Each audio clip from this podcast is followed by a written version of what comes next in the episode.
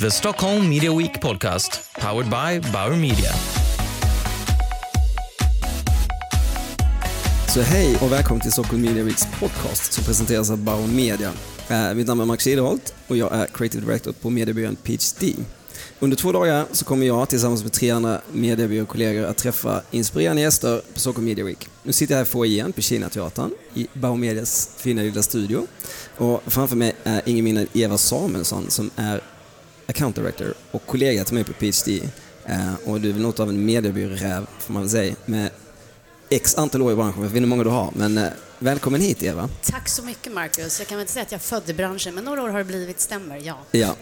Men eh, berätta lite kort om dig själv. Vem är, vem är Eva? Eh, vad gör du för något och hur har du hamnat där du är idag? Och, eh, på PhD hamnade jag tack vare faktiskt en kund Mm. som jag jobbade med på förra byrån, eh, där samarbetet funkade väldigt bra. Så jag fick den fina frågan och när nya byrån vann kontot och fortsatte jobba med dem. Mm. Hamnade i branschen för väldigt länge sedan egentligen. Jag började på MTG för, Oj. i början på 2000, där jag jobbade som Head of Planning. Okej. Sedan så kände man att man ville bredda sig och eh, tänkte att eh, mediebyråbranschen var den rätta vägen dit man ville gå. Man jobbar mer med strategier och insikter och så vidare. Så det är det jag idag Ja. och trivs fantastiskt bra. Och det roliga är att man aldrig känner sig riktigt fullärd. Nej, det känner jag Och igen. ibland är det också väldigt jobbigt. Det är läskigt, Så det är viktigt att vara ödmjuk och ganska pre- prestigelös där skulle jag säga. Ja, verkligen. Eh, idag så är det ett huvudämne här på Stockholm Media Week som heter dynamisk dualism. Eh, som låter väldigt avancerat. Men eh, det tas bland annat upp om det så här snabbt utvecklade samhället på ett så här te- teknologiskt perspektiv. Eh, jag själv kan ju säga att eh, det var ju lättare kanske att planera media för tio år sedan än vad det är idag, för att kartan är helt omritad. Samtidigt finns det ju säkert möjligheter också. Eh, hur ser du på den delen? Där håller jag verkligen med dig Marcus att det finns möjligheter snarare än hinder. Och teknologin har ju egentligen bara möjliggjort för många små varumärken framför allt och företag att nå ut till massan. Och den möjligheten fanns inte tidigare. Sen tror jag att sättet att bygga varumärke på är detsamma som det var för 10-15 år sedan och kanske alltid har varit. Men utmaningen i att göra det hela vägen, det är ju när man sätter ett nytt varumärke eller varumärkesplattform, att ta den hela vägen till alla i företaget så att alla är med på vad vi vill uppnå. Och så att konsumenten som möter oss i alla touchpoints känner att wow, det här, de står för det här hela vägen. Så att kundresan, den berömda, blir komplett och att man håller vad man lovar. För gör man inte det idag, då blir man ganska lätt avslöjad tack vare teknologin. Förr så stannade det inom fyra väggar kanske via word of, word of mouth. Idag så får det fort spridning på, på nätet. Så där är det viktigt att man som kund tar hand om konsumenten. Och det kan väl vara lite läskigt också. Det är det som gör att det Ja. kanske var lätt, både lättare för men också svårare. Om man ska titta Ja. Mm. på de små aktörerna så finns det andra möjligheter idag. Till, jag tänkte, min pappa han startade ett profilföretag för Mm. 28 år sedan och då startade han att sälja strumpor på Kiviks marknad. För där det fanns konsumenter, det var närmaste. Mm. Då fick man två dagar pröjs för ett bås där. Idag så hade man kanske startat en sida och satt upp ett eh, Ticktail-konto och kunna sälja Mm. liksom, sina produkter. Liksom.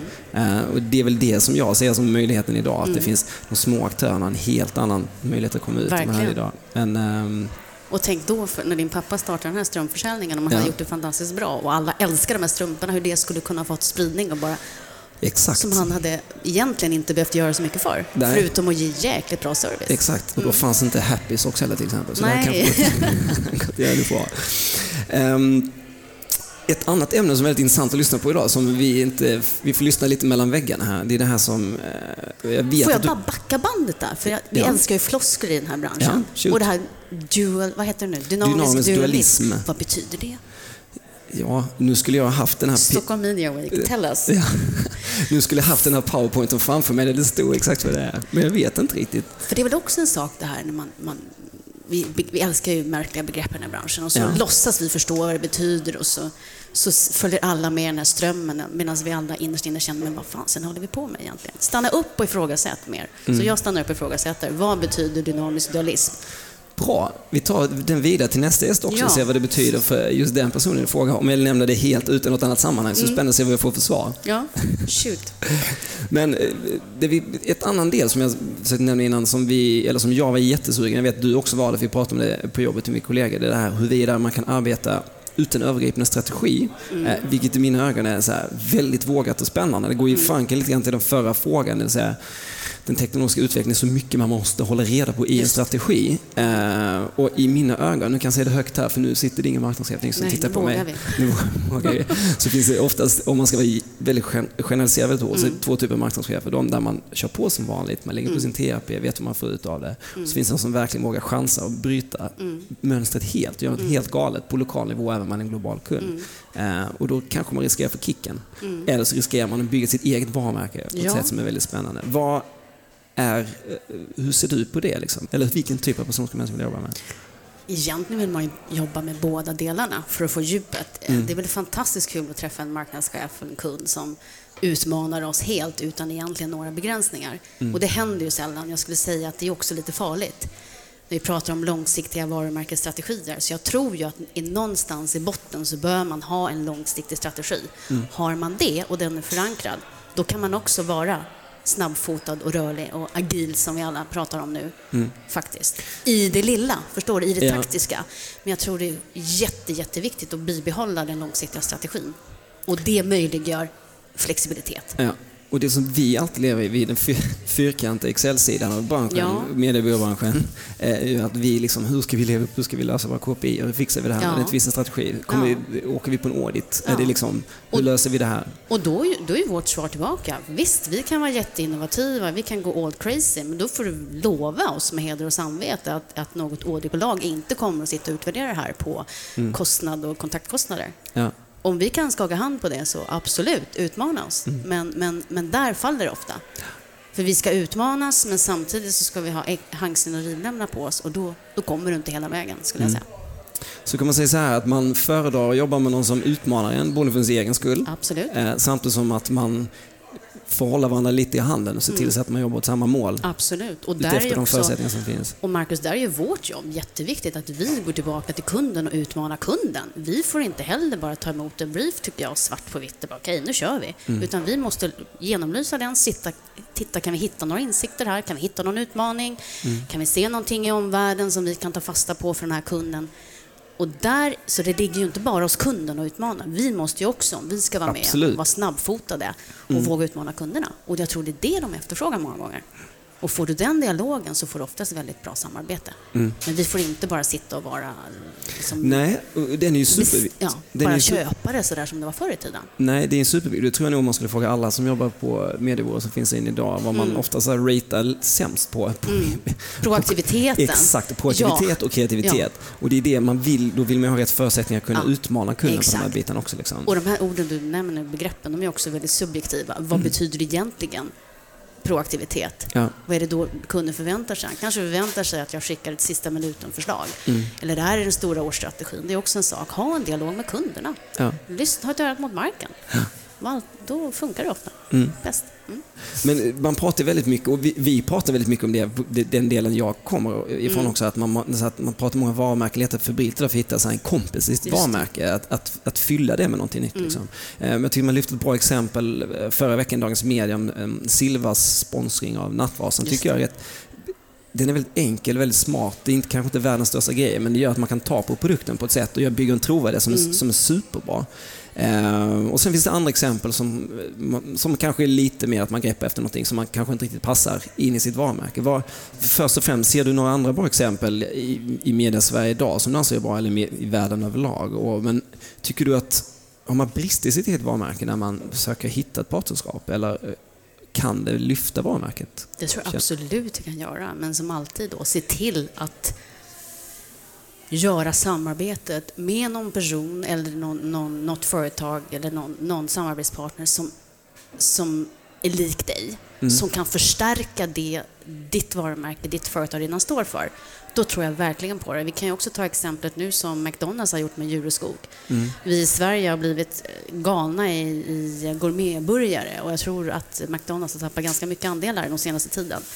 Och- Och de går ihop och gör en AFP-lösning med i det här fallet TV3. Där Djureskog gör fantastiskt goda hamburgare, enligt egen utsago. Och och eh, tar det här vidare och får ut det här hela vägen. Det är väl också, en, tror jag, en, en, en framgångs, ett framgångsrecept. Att när man gör en sån här samarbete, ta det hela vägen ut i butik, ut så att konsumenterna får uppleva produkterna. Och nu verkar det som att det har gått väldigt bra. Jag tror hamburgaren har tagit slut om man går in i säsong två. Ja. Så att, eh, och där har ju säkerligen initialt, tror jag Jureskog fick en del kritik för Mm. att han går ihop med McDonalds som ju inte kanske har världens bästa rykte. Och Det- nu tror jag han har lyfts också av det. Absolut. Så Det finns- båda två har ju fått framgång av det. Ja, ska man prata varumärkesperspektiv så finns det ju två ledare. Det finns Djurskogs eget varumärke och sen finns Mm. Mm. McDonalds i det här fallet. Jag kan tänka mig, kanske McDonalds, nu är de så pass stora, men Ja. jublar kanske. Djur, Djurskog, ja. Verkligen. Och Och, Djurskog kanske idag jublar, ja. ja, men han tog ju en risk initialt. Absolut. Men via McDonalds har han nått ut till svenska folket. Här var väl, han var väl bara stor egentligen, kanske i Stockholm Ja. primärt. Det här, nästa fråga är egentligen som, vi ska, som man ska ställa till kommande marknadschef etc. Mm. Men det är som både, det kliar lite i fingrarna tror jag, både på dig och mig och Freda på den här. Att Mm. Vi sitter ju alltid i den, så här, den heliga treenigheten, om man kallar Mm. samarbetsdelen mellan kund, mediebyrå och reklambyrå. Ehm, och en fråga som jag kommer att ställa är liksom, vad är den perfekta, hur ser den perfekta treenigheten ut? Hur blev vi, Birgit Friggebo kan hålla varandra i händerna säga att vi kämpar mot samma mål? Mm. Ehm, du som har lång erfarenhet av branschen, hur, hur hittar man det där? Vad kan, vad kan vi påverka, det vill säga från mediebyråsidan, Ja. för att försöka göra det här tajtare? Kan vi ställa några krav? Eller ska vi... Du tänker på det klassiska samarbetet mellan mediebyrå, reklambyrå och kund, Ja. där man tillsammans sätter, okej. Eh, där är det ju till syvende och sist kunden som måste kravställa tror jag och ha en förväntan på alla sina partners och vara väldigt tydlig med det. Och framförallt när man går in i ett samarbete eh, vara också tydlig med vilket scope jag förväntar mig av eh, mediebyrån respektive reklambyrån eller PR-byrån eller vilka samarbetspartner det är inne. För vi går ju ändå in och naggar på varandras business. Och här är det ju jätteskönt då om en kund är tydlig och säger jag förväntar mig det här av er och jag förväntar mig det här av er. Och då är det liksom vattentäta skott och då och där kan samarbetet börja på ett trovärdigt och bra sätt. Och vi kan naturligtvis ställa krav på kunden och ha önskningar om att ha ett djupt eh, och tätt samarbete. Och de allra flesta lyckade kampanjerna och, och är ju grundade i det här djupa samarbetet. Eh, Så det skulle jag säga. Och där är det också viktigt att man för vår del delar med sig utav uppföljningar och learnings och mätningar. Man tillsammans ser vad har vi lärt oss och vad tar vi med oss framåt. Så då kan man säga tydliga ansvarsfördelningar och gemensamma mål. Ja, Kanske. det är inte så vara- konstigt. Det låter väldigt enkelt. och det är väl jättelustigt, Marcus. Här jobbar vi med kommunikation och sen Mm. så är vi sämst på det själva om man tittar på internt hur det funkar. det är bra. Som sagt, Ja. vi är aldrig fullärda, varken Verkligen inte. hur organisationen funkar eller kompetensmässigt. Vi, vi tänkte avrunda med en liten Mm. fråga eh, som också kommer, den här kommer ställas till alla i, i hela förmiddagen. Då. Det är egentligen, om man ska se tillbaka Mm. på, nu eller alla år, egentligen, så här, vilken, om du jobbar med många kampanjer, vilken Mm. kampanj skulle du säga att du är mest stolt över? Eh, som du har varit inblandad i, i genom åren? Du får gärna motivera varför du tycker den är bra.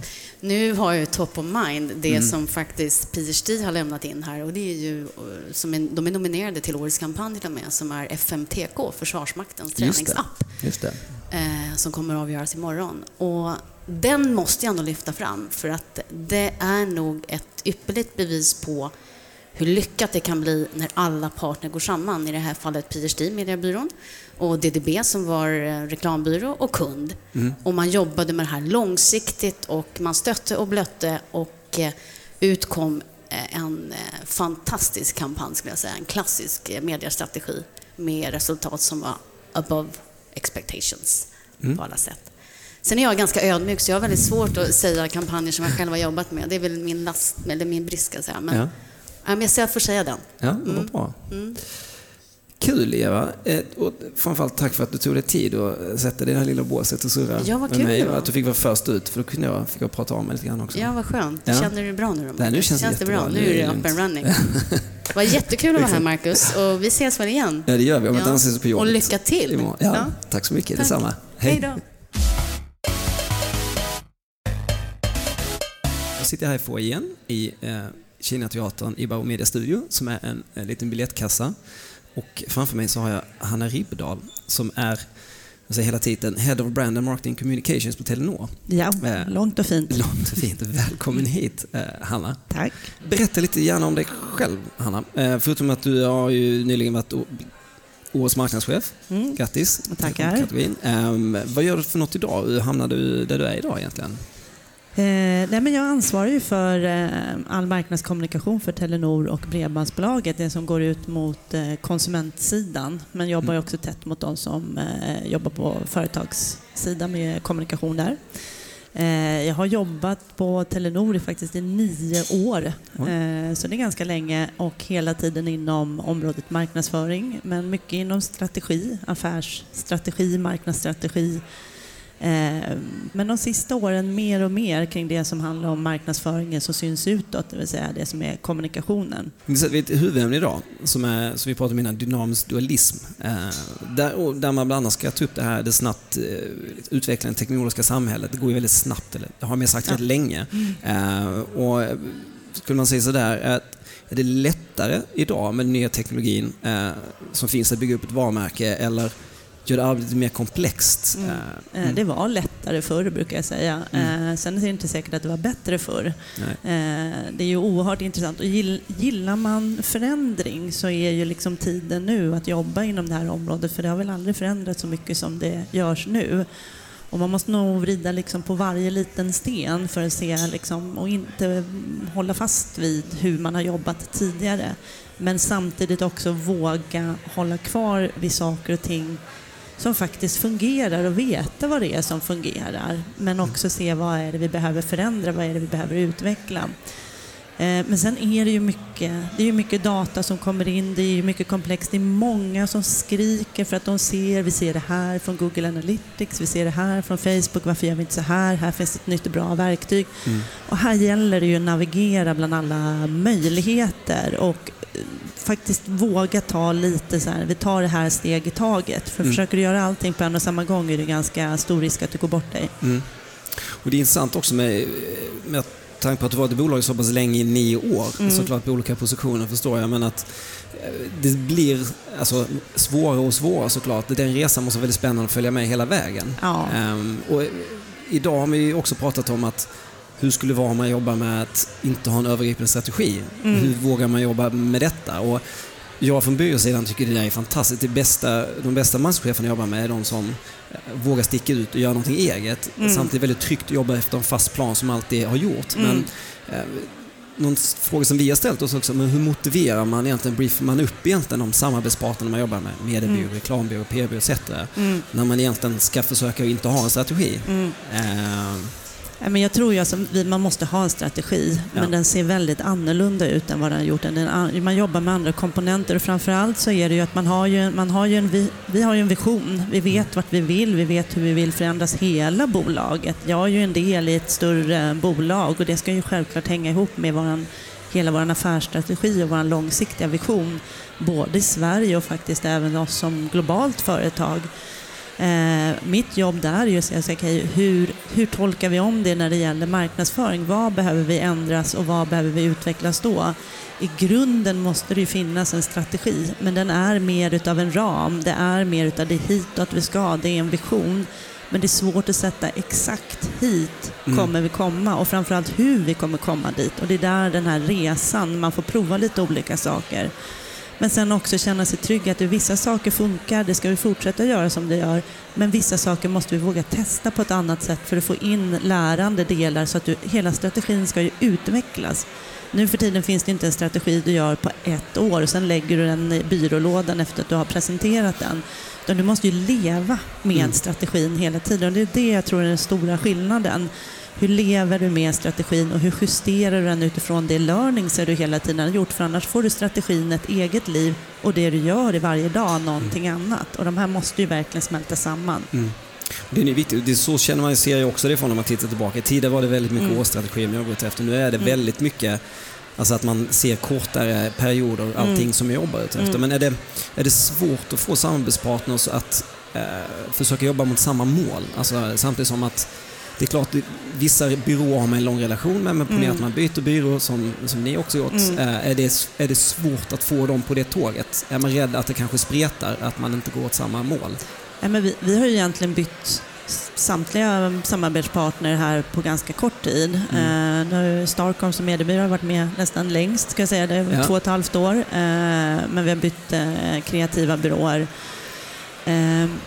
Jag har nog inte upplevt det att det har varit svårt, men det beror också på hur man väljer att jobba med dem. Mm. Om jag ser mig att jag ska ha den här rollen och berätta för alla hur allting är och det här är vår strategi och vad god gör, då tror inte jag att det blir speciellt bra. Nej. Utan det handlar väldigt mycket om att bjuda in och att jobba faktiskt tillsammans, att se oss som ett team. Vi sitter egentligen, alltså, lite så klyschigt, men vi sitter i samma båt. Vi ska nå hitåt. Eh, vi kanske behöver i några fall rå om lite och ta lite omvägar därför att inte allting finns på plats. Men då ska vi också veta varför vi gör det. Mm. Vi har precis efter många år, det skulle vi ha gjort för länge sedan, startat en inhouse-byrå. Eh, byråerna är jättepositiva. Mm. Därför vi har pratat om det här nu och då vet man att det här kommer hända. Det är inget hot utan det här kommer vara en del. Mm. De kommer få uppdrag, inhousebyrån kommer få uppdrag och det Ja. är samverkan däremellan som kommer vara det viktiga. Om man ska så här då, i er bransch, telekombranschen som är relativt generisk, alltså många har egentligen man har samma produkt egentligen. Eh, vad känner ni att ni gör för att liksom sticka ut gentemot konkurrenter inom samma bransch? Ni har ju, det har ju funnits ett, ett, ett får med hos några konkurrenter till exempel. Mm. Nu är det en skola. Eh, Precis, ja. Och ni har eh, till exempel en familj eh, Mm. och den eh, har ju med relativt länge. Hur länge tror du att man kan fortsätta kommunicera med den här familjen? Och finns det någon risk att man kanske nöter ut dem? Ja, men för att svara på den första frågan hur vi särskiljer oss mot våra konkurrenter. Jag skulle säga det är väl kanske det största problemet i telekombranschen att vi är upplevs så generiska att det är inte någon skillnad eh, på oss. Och det är ju mycket för att vi har fokuserat på enskilda produkter som ska göra en skillnad. Nu är det dubbelsurf och du följer alla efter. Så att, ja men okej, vad, är då, vad är då skillnaden på riktigt?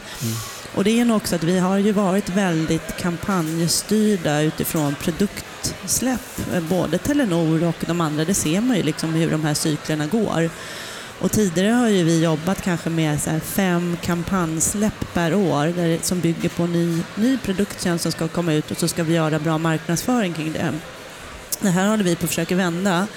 Och det är just den här långsiktig storytelling som jag pratar om, att det finns någonting som hela tiden finns där om du vill välja Telenor. Vad är det vi står för? Det måste, det måste skapa en igenkänning hela tiden. Och där har vi ju valt att, att faktiskt också i samband med att vi bytte byrå så var det ett krav in. Vi vill behålla vår Telenor-familj. Mm, men vi vill utveckla den. Vi vill att de blir mer mänskliga. Vi vill inte att de blir en reklamkarikatyr utan att de ska verkligen bli mänskliga och mer verkliga. Att man kan förhålla sig till för att just skapa en igenkänning av vad gör våra tjänster för människor i deras vardag. För vi är ju inget, i vår kategori så är det ett lågintresse Mm. eh. Men vi är ju högintensiva när det kommer till marknadsföring. Det är väldigt mycket push. Ja. Och här handlar det egentligen om att vända på det här och, och säga att vilken roll kan vi spela, vilken roll vill vi spela? Eh, för att tjänsterna vi gör är ju livsviktiga för folk. Det är ju faktiskt livets fjärrkontroll idag, är ju Absolut. mobilerna. Och den sitter ju vi och ger möjlighet till. Men vi kan inte heller ta för stor roll. Det måste, liksom bli, det måste bli relevant och kännas äkta. Mm. Så det vi försöker verkligen jobba med det är ju det mänskliga. Vad gör våra tjänster på riktigt? Vad hjälper det? Vad löser det för problem? Vad hjälper det? Nu har vi rivit ett antal barriärer vad gäller roaming, vad gäller datamängder och det här är den resan vi kommer fortsätta med. Om man ska kolla så här idag, många varumärken letar ju oftast febrilt för att hitta så här, en kompis i sitt varumärke. Alltså man vill hitta en, en nisch. Typ, vi ska bara jobba med e-sport eller vi ska bara jobba med eh, utomhusliv. Liksom. Mm. Eh, tycker du att det finns en fara att så många letar kompisar idag för att hitta en igenkänningsfaktor eller kan det bara hjälpa varumärke?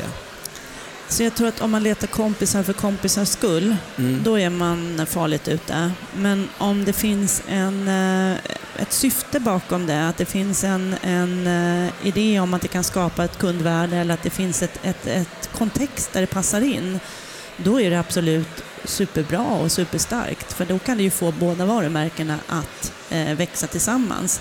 Um, avslutningsvis har jag bara ett par frågor. Men, eh, jag som är från mediebyråsidan och har suttit där hela tiden i, i 11 år. Jag, alltså, man ser ofta så här, jag ska inte säga att det är en svårighet, det funkar oftast bra, men det finns ju alltid en svårighet att få den så här, the holy grail, treenigheten. Så här, kund, reklambyrå, mediebyrå. Hur ska vi liksom hur ska man hitta så här Birgit Friggebo-känslan att vi strävar åt samma mål? Lite grann som vi pratade om innan. Eh, Finns det någon så här secret sauce som du säger eller finns det något, något så här tips som eh, du som har mycket rutin i branschen? Nej, men, alltså, ja, det, det, det samarbetet vi har nu så upplever jag faktiskt inte det. Eh, det kan vara för att det är lite nytt. Mm. Alla är nya in och glada och viftar på svansen. Vi har kanske inte eh, varit igenom några svåra, eh, större så, på, alltså, ur, det, det, ur samarbetssynpunkt. Men jag tror att det är väldigt viktigt att de som är med i det teamet vi har från reklambyrå, från mediebyrå och från oss, att man känner att vi faktiskt, oavsett att vi sitter i samma, olika bolag, så är det vi, det låter väldigt klyschigt, men det är vi som gör ett jobb tillsammans. Det är inte en som beställer någonting utan någonting annat, utan det är verkligen ett samarbete och ett tätt samarbete. Och där behöver ju arbetssätten förändras från det här sekventiella, jag pratade om det när jag pratade för att vi briefar, folk gör, kommer med förslag och sen så görs det saker och ting. Till att man faktiskt jobbar aktivt tillsammans med att lösa ett problem. Eh, och det är då man också får en energi och en kraft tillsammans. Och då kan ju mediebyrån komma med superbra inspel till det kreativa utifrån det perspektivet. Lika väl som att man fångar upp från eh, mediebyråns sida kring det kreativa. Eh, så att det är, det är jag, jag, tror väldigt mycket på att man känner att man faktiskt är ett, ett team. Man Mm. har ett uppdrag att lösa, man har ett problem att lösa, man får ett antal givna förutsättningar och lägga de korten väldigt tydligt på bo bordet. Mm. Och alla får en del av kakan när det kommer sen också till Spä- Det är spännande, precis som man Mm. säger. Det är som jag själv brukar säga, se oss inte som en leverantör utan som en samarbetspartner. Ja. Liksom. Och det är Eh, lite klyschigt, men faktiskt det är... Superklyschigt, det, ja, men- men det men det finns att någonting upprepas, i det och det är roligare att jobba så också. Mm, definitivt. Eh, avslutningsvis, eh, om man ska titta på eh, två kampanjer. Om man först skulle börja med vilken du är mest stolt över. Mm. Eh, Finns det någon eh, under dina nio år som du känner att det här, det här gjorde vi jävligt bra? Jag får nog säga två då. På för, från Ja. företagssidan var ju när vi tog fram eh, konceptet Workfulness Mm. som har ju varit extremt relevant och fått för att vara en B2B-kampanj eh, stort genomslag. Och vi kände ju direkt när vi liksom jag hade ju självklart briefat in, jobbat lite grann gamla sättet, men när vi hörde idén så var det så här, ja men det här känns ju verkligen i själ och hjärta riktigt bra. Mm. Här, här har vi en roll vi kan ta, här finns det någonting som folk faktiskt har en utmaning med och vi kan hjälpa till. Eh, och nu eh, den senaste tiden så är väl framförallt det omtaget vi har gjort på eh, reklamfamiljen, Telenor-familjen, eh, i det vi lanserade i vintras med, tillsammans med vår nya byrå Acne, där vi har gått från lite mer klassiskt reklamformat till att bli väldigt mycket varmare, mänskligare, mycket mer eh, känslodrivet. Mm. Eh, som, ja, ja, men jag är stolt över. Ja, vad härligt. Ja. Eh, Den här ska man egentligen inte ställa, men finns det någon du känner att du skulle bli ogjord? Du behöver inte säga du kan säga nej, jag kan stå för allting som jag gjort. Men finns det något man Nej. känner att det här... Alltså, det- var en kampanj vi släppte förra året som handlade om vår eh, fotolagringstjänst, Capture heter den. Mm. Eh, det var, det var så här top-down decision. Ni ska göra en bred kampanj kring Capture, kom från Group. Ja. Och vi kände så här, nej det här kommer ju all, det här kommer inte bli, det här, det här är inte relevant. Det här liksom, det är för litet. Det här är ingenting vi ska gå ut, vi kan ligga och jobba ner mot befintlig kund. Men det var väldigt tryck uppifrån och det, Mm. ja, den hade vi kunnat göra ogjord. Ja. Mm. Bra learning. Mm. Eh, det tror jag avrundar den här Ja. lilla intervjustunden. Tusen tack för att du tog dig tid Ja, tack eh, idag och jag hoppas du får en fortsatt trevlig dag här på får jag säkert. Ja, tack, Tack så mycket. Tack. tack.